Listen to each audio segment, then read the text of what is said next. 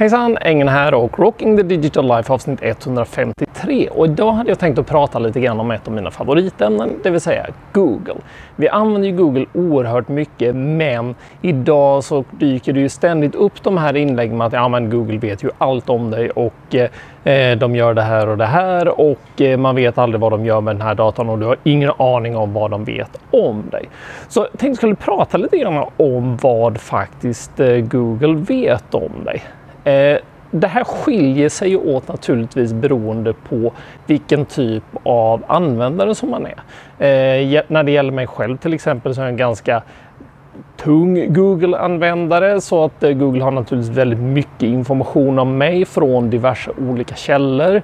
Eh, är man mindre eh, noggrann användare så har man förmodligen en profil i alla fall, ett Gmail-konto eller någonting annat som det baseras på så att Google har en del information i alla fall. Men det som är lite intressant att veta däremot att eh, det är ingen hemlighet egentligen vad Google vet om det. Faktum är att Google är jättetransparenta med datan som de samlar in om dig.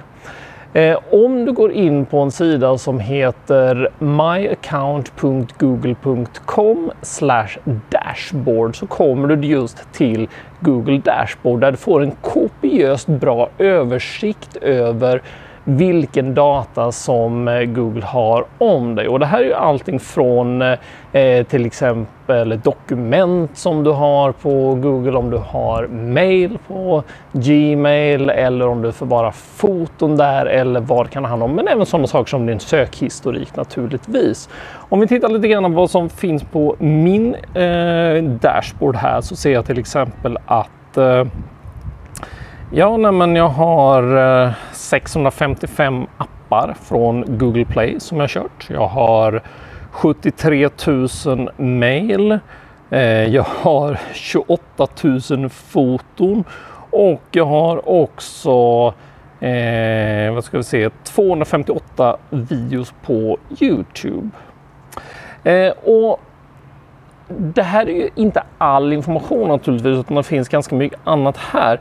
Det som kan vara väldigt intressant att titta på, det är just det här med vad du har gjort, vilken historik som du har. För att du förvarar eh, foton eller att du har mail där är egentligen ingenting som någon är förvånad över. Det tror jag att de flesta förstår att eh, eh det, eh, Eh, att de finns där för att man har ju ändå valt att lägga upp dem. Det som man kanske inte alltid har koll på det är ens eh, sökhistorik. Och faktum är att den finns ju också direkt tillgänglig här eh, om jag tittar under eh, som sagt eh, Search Activity. Jag kör allting på engelska så att eh, eh vad det står på din svenska dashboard det kan jag inte riktigt svara på men bör inte vara så hemskt svårt att och räkna ut. Men det man också ska veta om det är att eh, Google ger oss möjlighet att faktiskt hantera den här datan. Att eh, dels ladda ner datan ifrån eh, Google ifall du vill ha det själv. Om du vill säga att nej, men jag vill inte ha mina foton där längre. Men plocka ner dem då och radera dem. Du har också möjlighet att radera din sökhistorik. Du har möjlighet att eh, eh redigera individuella delar av din sökhistorik eller din eh, timeline, din positionering. Eh, alla de här grejerna har du faktiskt en enorm kontroll över och det är lätt att missa det. Så vill du hitta den här informationen, sök på Google Dashboard helt enkelt. Så du behöver logga in med ditt eh, Gmail-konto eller Google Apps-konto. Har du flera konton så kommer du ha flera eh, dashboards naturligtvis för du kommer räknas som eh, två olika entiteter, två olika individer. Själv har jag väl typ, jag vet inte, sex, sju, åtta eh, konton på, eh, på Google Apps och Gmail så att eh, jag har några stycken dashboards att gå igenom. Men det som är mest intressant för mig att kolla på det är ju det som finns på min egen domän på engenatengen.se. Eh, för det är den som jag använder som min primära datakälla. Liksom. Eh, det är också så eh, om du har en eh, eh, en Google Home eller en Google Assistant eh, som du använder på mobilen eller eh, så, så finns även den rösthistoriken här. Och den är intressant, inte bara för att eh, veta eh, vad Google vet om dig, men också hur väl lyckades den tolka det jag sa. Om du tycker att du får goddag yxskaft-svar, för sånt händer ju faktiskt ibland, så kan du gå in och titta där på vad var det som Google trodde att jag sa egentligen.